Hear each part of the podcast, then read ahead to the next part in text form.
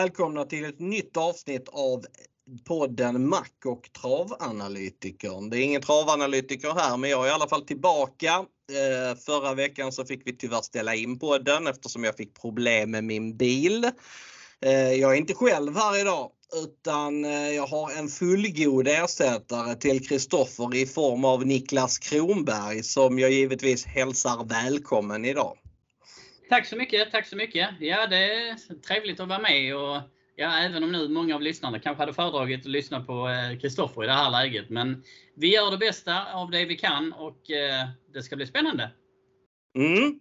Det är Axvalla, trippeltrav, trav, fredag, lördag, söndag. Den helgen har jag personligen varit på väldigt, väldigt många gånger. Jag kommer inte vara på plats i år. Eh, brukar du vara gäst på trippeltravet Niklas? Nej, det brukar jag faktiskt inte. Jag brukar däremot, eh, eller däremot så har jag firat en hel del framgångar eh, på spelet där. Så att eh, det känns som att det är fullgott det också. Mm. det är alltid intressant med V7 på Axvalla med det långa upploppet. Jag, jag läste någonstans att medianutdelningen under, jag vet inte vilka år det var, men de 10-15 senaste åren, det låg på typ 400 000, kanske till och med lite drygt. Så att, eh, att det brukar ge mycket pengar på Axvalla, det, är, eh, det finns det statistik för i alla fall. Ehm, där finns några stora favoriter i omgången och den första den hittar vi redan i avdelning 1 som alltså är eh, klass 2, lägsta klassen. Det är 2640 voltstart och största favoriten i omgången nummer 3 Keep Gamble spelad på drygt 60% av insatserna. Han är bra. Eh, han var väldigt bra när han vann förra gången. Då eh, hade Nurmos två hästar i loppet och Keep Gamble hade innerspår bakom bilen. Kunde som väntat inte hålla ledningen men eh, Magnus A. Djuse han var eh, påläst och eh, hade koll så att han, han klev ut framför eh, stallkamraten Soundtrack och körde till ledningen efter 500-600 meter och sen, eh, sen var han väldigt fin. Eh, han gick undan väldigt enkelt runt eh, strax under 13 sista 7. Dock var det första jänkarvagn då. Nu är det voltstart. Då måste han ha vanlig vagn. Eh, dessutom att det är voltstart det tycker jag är lite oroande för honom. Han eh, har inte sett helt stabil ut. Starten längst upp i raden, hans andra start, då hoppade han efter 150 meter. Det var en trång situation säger de. Jag har tittat på loppet. Det är en situation som en travsäker häst bör klara i alla fall. Så att det finns helt klart viss osäkerhet kring favoriten som som sagt har hoppat i hälften av sina starter. Eh, det är inte givet att han kommer till ledningen här heller och jag tycker att han möter en konkurrent som är minst lika bra eh, i nummer 11 It's Pepper Time. Det tycker jag är en väldigt, väldigt bra häst för klassen. Han var favorit senast i klassen. Eh, då blev det galopp strax innan start.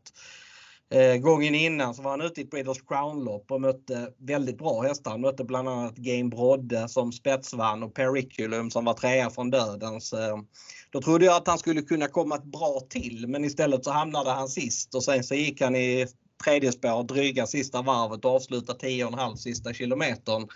Eh, innan dess avslutade han nio sista fem i spåren så att eh, det här är en väldigt bra häst. Jag tror till och med att han är bättre än favoriten så att eh, och känns, ja, han, det finns också en viss osäkerhet kring It's Pepper Time men han känns inte lika osäker som Keep Gamble i alla fall så jag tror det är större chans att It's Pepper Time sköter sig än att favoriten gör det.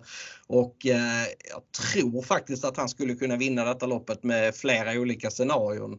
Så att eh, i dagsläget, eller just nu när vi spelar in den här podden, så är han väldigt klar första häst för mig med tanke på att procenten bara är 16 kontra 60 på favoriten. Vad tror du om Keep Gamble som alltså är omgångens största favorit Niklas? Eh, jag kan säga så här, när jag såg Keep Gamble för ett par starter sedan så blev jag lite imponerad av hästen och eh, tyckte den gjorde det bra. Men senaste insatsen var ju ruskig egentligen om vi ska vara helt ärliga. Jag menar, det är ju krafter kvar och den vinner väldigt enkelt som jag ser det. Sen är det klart man ska ha med sig att det var jänkarvagn den gången. Det är vanlig vagn nu. Vi pratar om voltstart den här gången. Ehm, jag är medveten om att It's Pepper Time är en stor favorit, eller är, är en utmanare till favoriten. Och att det kanske skiljer lite väl mycket på strecken. Men eh, jag har en feeling av att Keep Gamble ändå kan eh, ihop det här. Så att eh, för mig är faktiskt Keep Gamble första hästen. Eh, 11 Its Pepper Time. Jag förstår folk som går på den och jag tror dock att det kommer att vara så att Keep Gamble kommer att sjunka och Keeps Pepper Time kommer att stiga på sträckan. Och ja, då, då kommer det faktiskt vara lite jämnare och då är frågan om inte jag tycker att nummer 3 Keep Gamble är första hästen. Så att eh, ja, de två är väl de som höjer sig över mängden. Sen finns det ju hästar som eh, nummer 2 Putte, eh, nummer 4 Wittgenstein som eh, är starka och mycket väl kan dyka upp någonstans där framme. Om de två favoriterna skulle ha en dålig dag. Mm. Ja, det är två tidiga motbud för mig också, eller två tidiga skrällbud. Men jag kanske framförallt vill varna för nummer 5 Västerbo Blizzard som jag tycker är en väldigt bra häst i grund och botten. Jag kan säga att Eh, kapacitetsmässigt så är den helt klart nummer tre för mig i detta loppet. Men eh, även Putte och Wittgenstein kan, kan ju duga. Men det är inget lopp som jag kommer att gardera speciellt brett i alla fall personligen, inledningen. Eh, men eh, jag är klar så med V751. Har du någonting att tillägga? Nej, det har jag väl egentligen inte. Det enda skulle vara att om, om man skulle då slänga på, nu har vi nämnt fem hästar, skulle man då slänga på en sjätte häst så kanske det är nummer åtta, King Chaos som eh, jag faktiskt gillar en hel del också som kanske fick ett lite ryckigt lopp senast. Men äh, i första hand nummer tre Keep Gamble för mig. Därefter är det väl två hästar, 3 och 11 och sen får man väl sträcka några stycken kanske. Mm. Men då hoppar vi över till V752.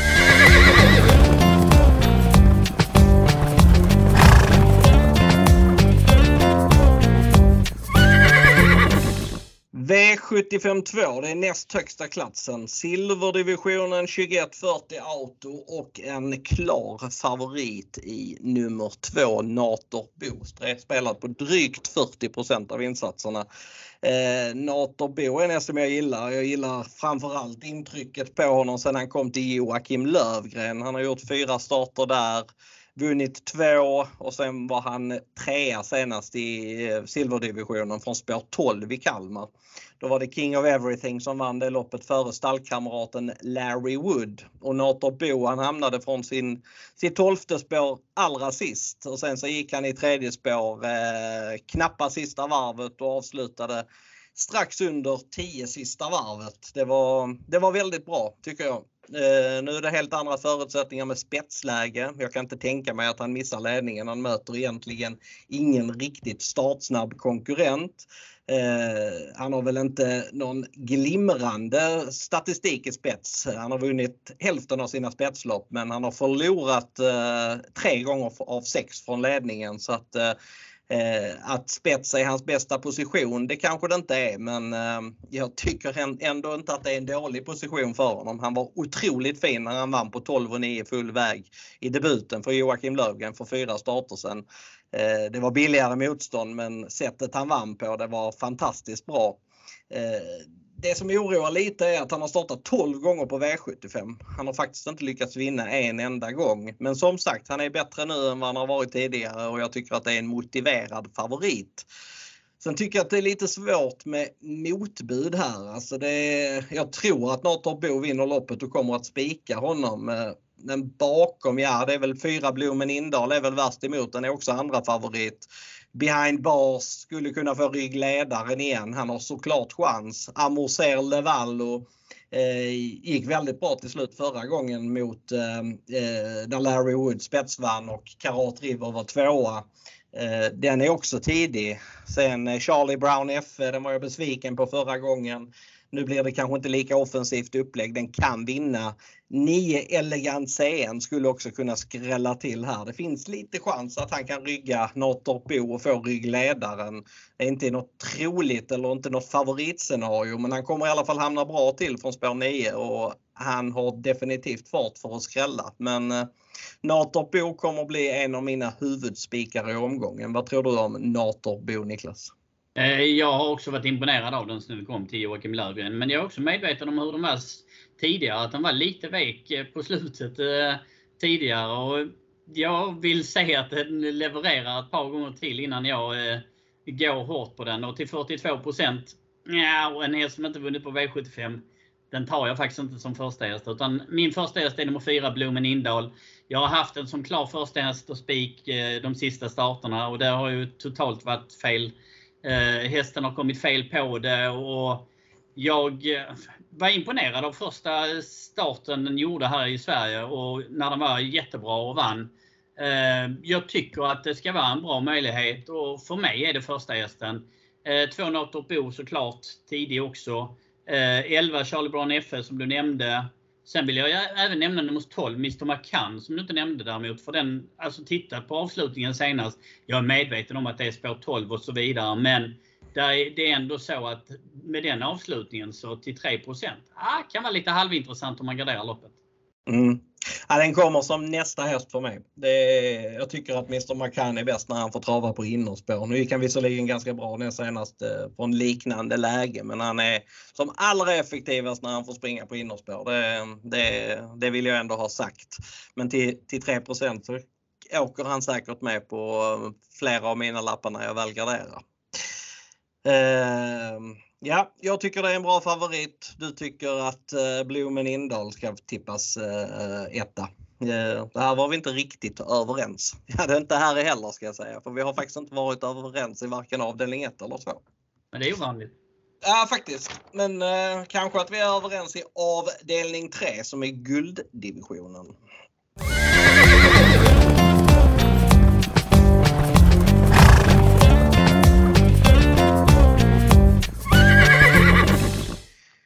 Gulddivisionen denna vecka körs över distansen 2640 meter autostart och eh, när detta spelas in så är nummer 8 Kentucky River favorit men det skiljer väldigt lite mellan honom, 2 Rackham och 6 Emoji. Alla dessa är sträckade mellan 23 och 25 procent. Eh, Kentucky River är som sagt favorit. Det ska han inte vara och det kommer han inte vara när spelet eh, har lagt sig heller när det är färdigspelat. Eh, då kommer han snarare vara tredje favorit tror jag. Eh, han var väldigt bra jag har på Hanovers. Eh, det är inte många hästar som klarar att gå utvändigt på tre varv och springa 12 och 6, 3000 meter voltstart. Eh, men det gjorde Kentucky River. Han knäckte en väldigt bra häst i ledningen eh, men fick ge sig mot en smygkörd Eric Deal. Eh, det var en femstjärnig prestation. Eh, sen har han fått en paus dock och eh, det låter lite som att eh, den här starten mest är ett led i matchningen för, för Nordström. Jag tror inte han kommer ladda från start och därmed så riskerar han hamna en bit bak i fältet. Han kan vinna men det krävs att det blir överpejsat och att det klaffar, klaffar för honom för att han ska göra det. Jag har inte honom som mer än fjärde, femte häst i min ranking. Eh, jag tycker att Rackham nummer två har störst chans att vinna loppet. Nu tror jag dock att det kommer vara en häst som väldigt många kommer att hamna på denna omgång. Eh, han är kraftigt gynnad av att starta tätt. Han har eh, ruggigt bra statistik på täta starter. Eh, han kan komma till ledningen här och i spets så biter han alltid ifrån sig väldigt bra. Han har 4 av 6 från den positionen. Men det är ändå någonting som skaver med honom. Alltså jag tycker att just det där att jag tror att 24% som det är nu, det kommer att öka. Det kommer att stoppa på strax över 30 skulle jag gissa på. Eh, och han är aningen ojämn. Det är ingen garanti att han är på topp denna gången. Han borde vara bättre med ett lopp i kroppen men äh, jag vet inte. Jag, det är någonting som säger att Rackham vinner inte detta loppet. Hade det inte varit för att Emoji hade varit så osäker bakom bilen. Han har faktiskt felat de tre senaste gångerna som ehm, Fleming har kört honom eh, bakom startbilen. Senast från spår 1 då hoppade han innan start. Det såg likadant ut eh, på Gävle för ehm, Eh, fyra starter sen och på Åby för fem starter sen. Han hoppade innan bilen släppte fältet. Nu snackar Flemming om att han ska byta huvudlag. Han gick med helstängt senast. Nu ska han gå med en Murphy-bländare istället. Men det gjorde han faktiskt både för fyra och fem starter sen så att jag tror inte det är helt eh, sanningen till varför han har felat. Jag tror helt enkelt det är så att det hade passat betydligt bättre om Birger Jörgensen hade kört testen för dagen. Jag tror att det är för Flemming som han är mer osäker. Eh, men skulle han sköta sig så borde han faktiskt spetsa. Så pass startsnabb är han. Eh, och eh, då är han ju givetvis ett eh, tidigt segerbud. Eh, jag tycker att eh, Rackham och Emoji är ungefär lika bra och den som kommer till spets av dem har bäst chans. Eh, men jag kommer gardera loppet ytterligare. Jag tycker Revelation är riktigt intressant. Han gick i spåren hela sista varvet senast på Halmstad. Jag hade 9,7 sista kilometern på klockan. Det var väldigt bra. Jag tycker att ett That's So Cool är otroligt intressant till 2-3 från, från innerspår bakom bilen. Han borde verkligen få ryggledaren och eh, har eh, toppform. Han har förlorat mot hästar som clickbait och, och hellbent for ram på slutet och det är eh, så bra hästar eller så formtoppade hästar möter han inte just nu. Sen så tycker jag att 4 Toto Barroso och 9 Husse Bok också skulle kunna skrälla i det här loppet. Men det är, eh, ja, jag, jag garderar gärna gulddivisionen denna veckan. Hur ställer du dig till Rackham? Honom brukar du tro på Niklas? Ja, jag tycker eh, som, som du så har jag, jag har lite svårt här med mitt val men för tillfället är Rackham eh, första häst för mig. Eh, knappt före nummer 6 Emoji eh, och därefter nummer 7 Revelation. Så vi, vi är ju hyfsat överens i det här loppet. Eh, jag, hade det inte funnits de här galopperna på slutet på Emoji så hade jag ju gått på Emoji kan jag säga. Det, det, det är dock flera galopper på slutet när han laddat. Och det, det måste ju spela roll när Fleming eh, liksom kör efter start här. Och därför så lägger jag liksom lite vågskålen, den väger över på Rackham tycker jag. Efter det. För att eh, skulle jag vetat att Emoji går garanterat och kommer till spets i det läget, för det tror jag att den gör. Då är det så att då är den svårslagen. Eh, men som sagt, med de små faktorerna, det är trots allt en galopp så är det kört. Eh, så eh, rankar jag Rackham som första häst. Jag tycker det är en häst som, precis som du säger, som har varit väldigt upp och ner i prestationerna. Men på sin bästa dag så är den riktigt, riktigt bra. Och eh, jag har en känsla av att det kan vara dags nu. Nummer 6 Modji, andra häst, Revelation tredje. That's so cool har ju läget som du säger. Sen, jag vet inte, det är ju Kentucky River därefter. Men sen är det faktiskt inte så att jag tycker det är så mycket bakom det. Nej. Husse Boko var trea i det här loppet förra året faktiskt. Han, eh, eh, jag pratade med Sina Johansson i måndags när jag gjorde intervjuer för guiden och hon eh, lät väldigt nöjd med hästen, det kan jag säga. Sen är det ska det väldigt många stolpe in för att Husse ska vinna gulddivisionen. Men eh, jag tycker att eh, viss, vissa tidningar och eh, tipsexperter har varit lite väl elak mot Husse denna veckan. Kan, kan jag personligen tycka. Men eh, ja, då var gulddivisionen klar. Då hoppar vi över till eh, ett lopp med betydligt mindre rutinerade hästar och kuskar. Det är nämligen ett lärlingslopp i avdelning 4.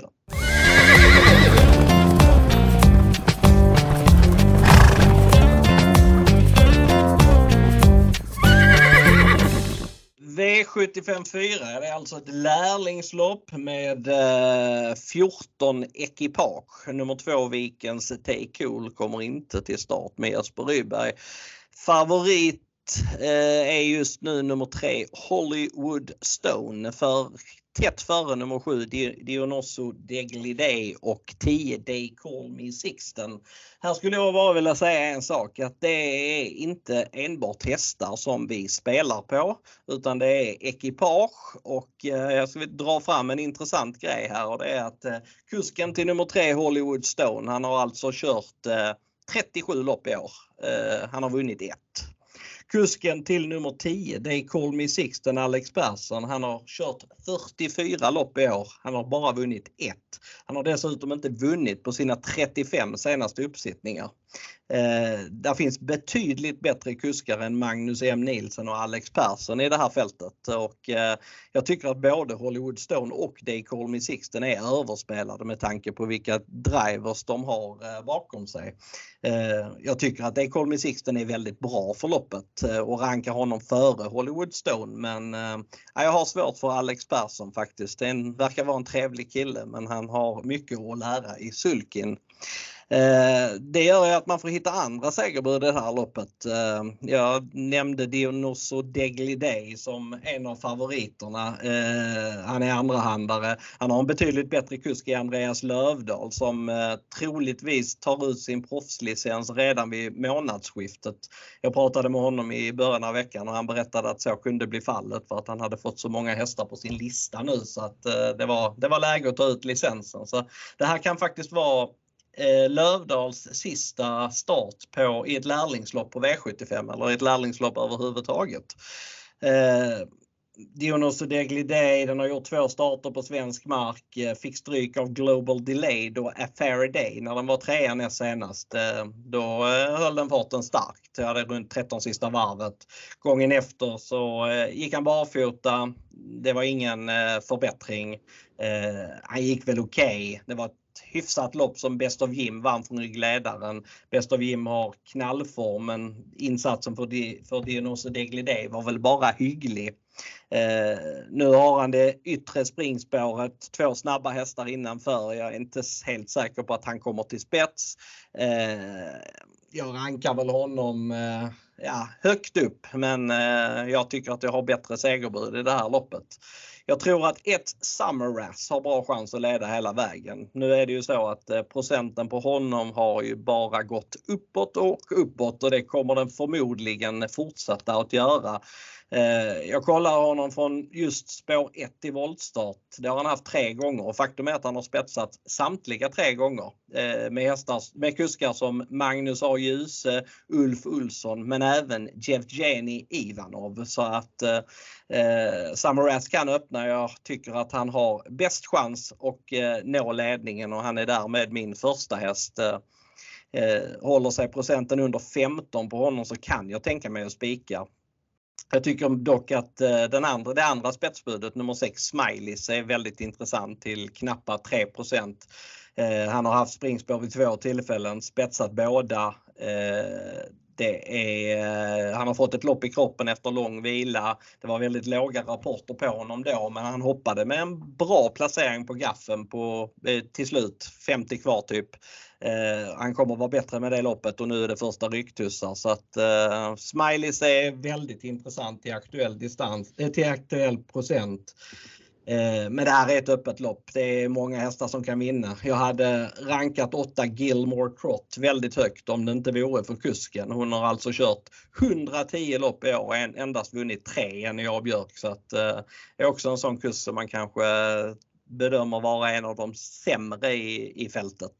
Vad tror du om lärlingsloppet? Det känns grötigt och det skulle kunna bli skräll tror jag. Vad, vad, vad säger du Niklas?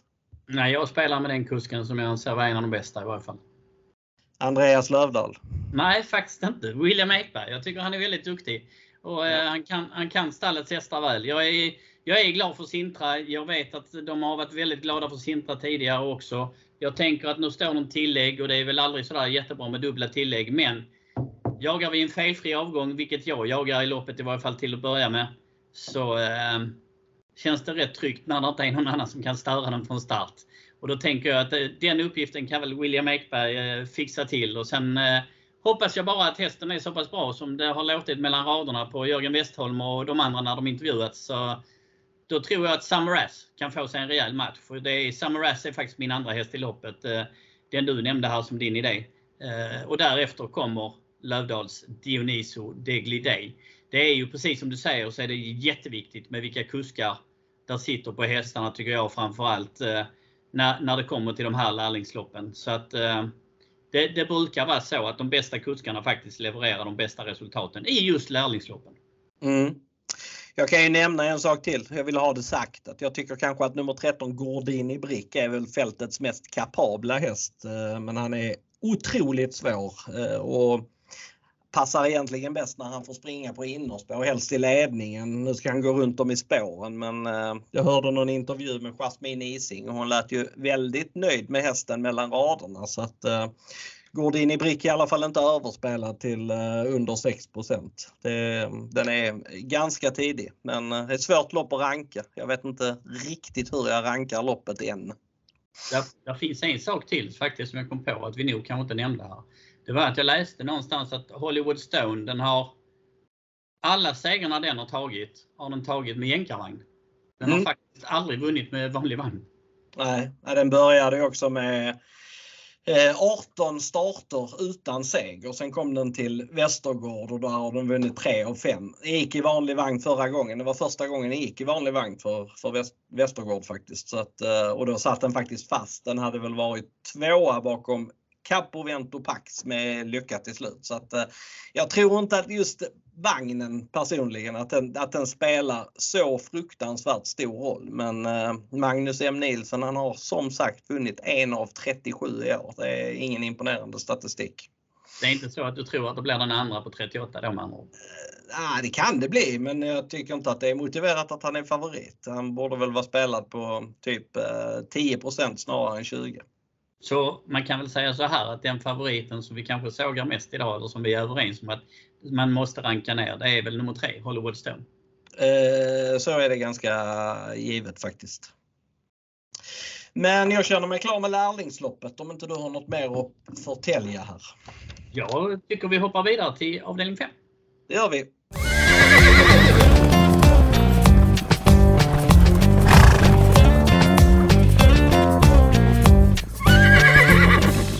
V755 och det är alltså diamantstoet över 2140 auto och vi har en eh, klar favorit i nummer ett Ivanka Amok. Den är spelad på eh, runt 55% och eh, omgångens näst största favorit. Jag ägnade ganska mycket tid till att kolla hur Ivanka Amok är från start. Innerspår har hon bara haft en gång förut och det var så länge sedan som under 2020 och då spetsade hon väldigt enkelt. Eh, mötte bland annat Woodbury Wine den gången som hade spår 6 och kom fram utvändigt ganska tidigt. Tittar man bara på den starten och vad hon mötte, att hon mötte Woodbury Wine så borde det vara väldigt goda möjligheter att hon eh, håller ledningen. Jag tror att hon har bra spetschans. Det är, eh, Magnus har ju UC upp, eh, han har kört hästen vid ett tillfälle. Det slutade med seger. Då hade hon spår 8 bakom bilen och klev iväg vettigt. Nu är det både bike och eh, blinkers på. Blinkers har hon inte gått med på ett tag så att eh, det är också växlar som talar för att hon kommer att öppna väldigt bra. Jag tycker att hon är solklar första häst faktiskt. Det verkar som att det här är en favorit som många vill fälla.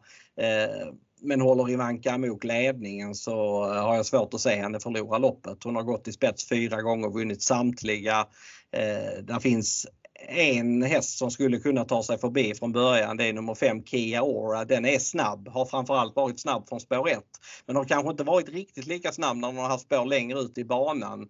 Axvalla och innerspår det är, det är väldigt bra så att eh, jag tror att Ivanka Amok med en påställd ljuse håller ledningen och sen så är det god möjlighet att hon vinner loppet. Eh, garderar jag, eh, vilket jag kommer att göra på en del system, så eh, andra häst är väl andra favoriten nummer 11 Celias men jag tycker inte att nummer 2 LaSassikaja, har så mycket sämre chans faktiskt. Så att eh, eh, den vill jag definitivt varna för. Hon har gjort eh, tre, fyra starter för eh, Nej, tre starter för ehm, Mattias Ljus eller kanske till och med bara två. Jag kommer inte ihåg. Ja, det, det är något av det i alla fall.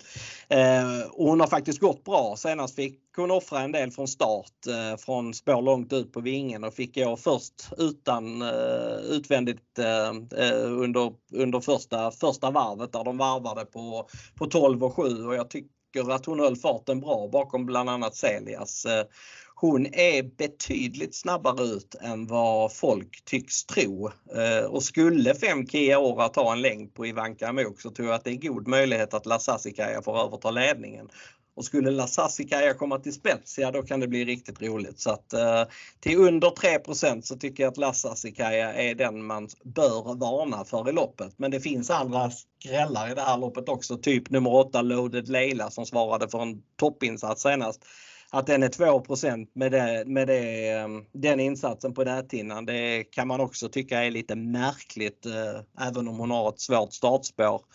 Eh, men jag kan tänka mig att gardera vidare här. 9 Melby Ivy såg jag näst sist på sträckan 0,55 Den har gått eh, klart bra vid två raka andra platser och det är aviserat med första jänkarvagn denna gången. Så att, eh, ja, vinner inte Ivanka Amok så kan det mycket väl bli skräll här tror jag. Vad tror du om Ivanka Amok Niklas?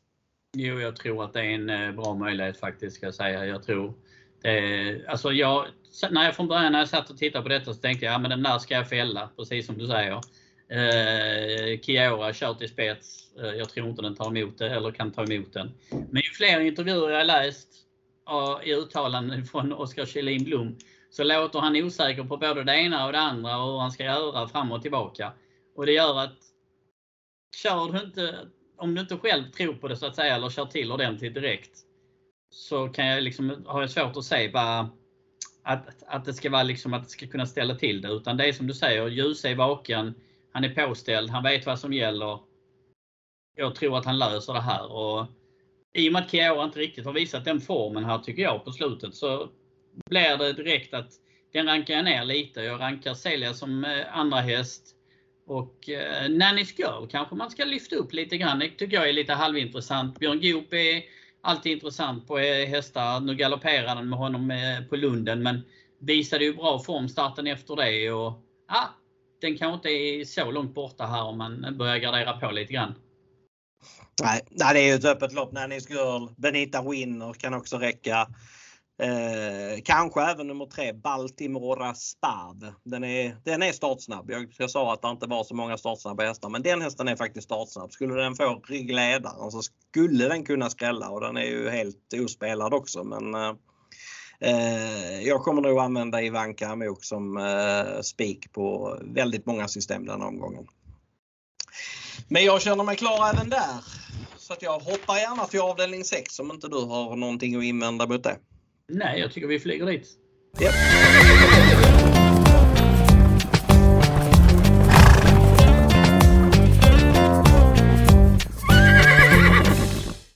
V75 6. Det är alltså klass 1 och det är 2140 Auto och favorit är nummer 3 Edelweiss. Eh, jag ska säga att jag är inte riktigt klar med detta loppet. Eh, jag tyckte det kändes eh, ganska grötigt och har en del kvar att kolla upp. Men jag kan i alla fall dra de grejerna som jag tycker är viktiga och plocka fram här.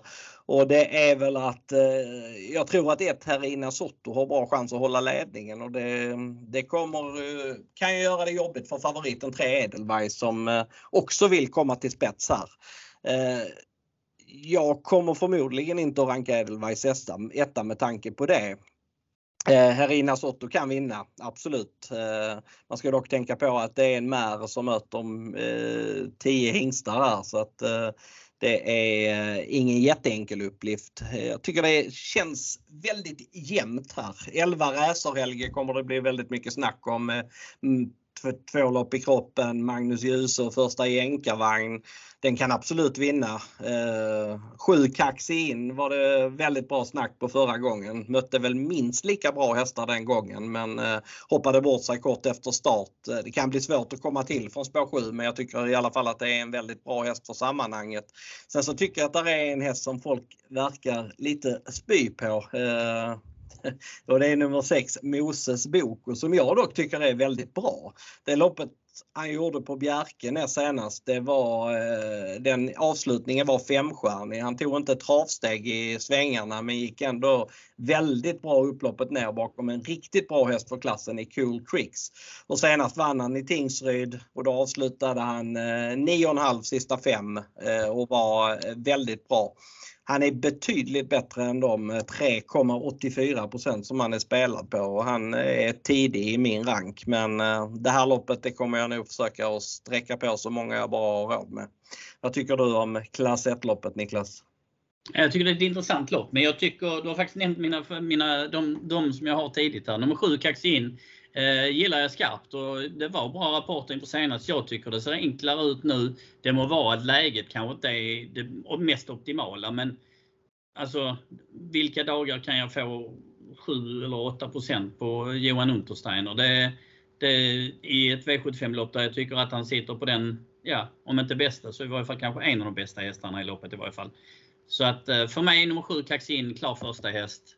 Eh, därefter så är det ju intressanta aspekter att ta på det. Judge Day är ju jättebra egentligen men den har ju varit lite så, si och så med formen om vi ska vara helt ärliga. Eh, jänkarvagn står det noterat, det är klart intressant.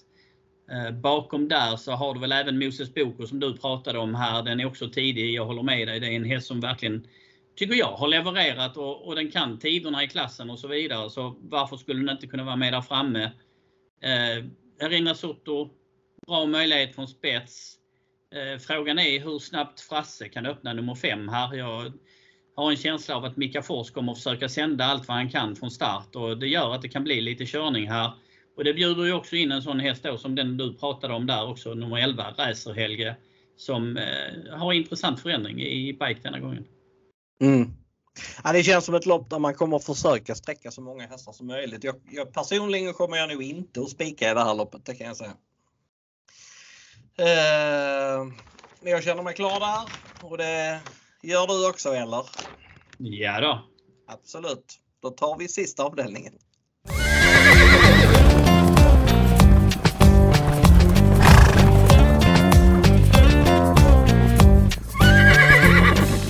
Ja, då var vi framme i avslutningen. V757 och det är bronsdivisionen och det är 1600 meter bilstart och eh, favoritspelare är nummer 5 Nugget Zone till 27% Han är klar favorit. Eh, han är som alla vet väldigt bra när han eh, är som bäst. Eh, jag är dock inte säker på att han är riktigt där ännu. Han vann visserligen senast men Eh, Eh, det var billigt och eh, han såg, inte, det slog inga gnistor om honom till slut. Eh, han kan vara bättre med det loppet i kroppen också men eh, det är inte alls givet att han kommer till ledningen denna gången. Det är snabba hästar innanför. En sån som 3 Eddie the Eagle är väldigt startsnabb och där är jag ganska säker på att Mikael Lönnborg kommer att vilja köra i spets.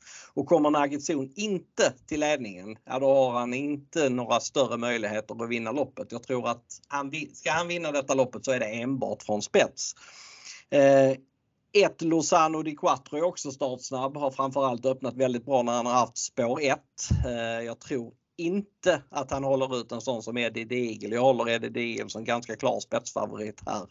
Eh, men jag tror att det kommer att bli öppning. Eh, det gynnar givetvis nummer 10 Dodge Ass. Nu är det tyvärr så att han är spelad på knappa 9% när detta spelas in. Eh, och det där kommer vara den hästen som ökar mest på procenten under hela lördagen. Det är jag helt säker på.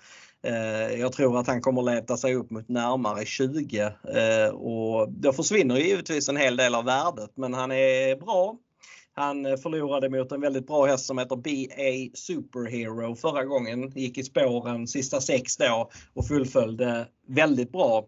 Tappade travet lite sista biten.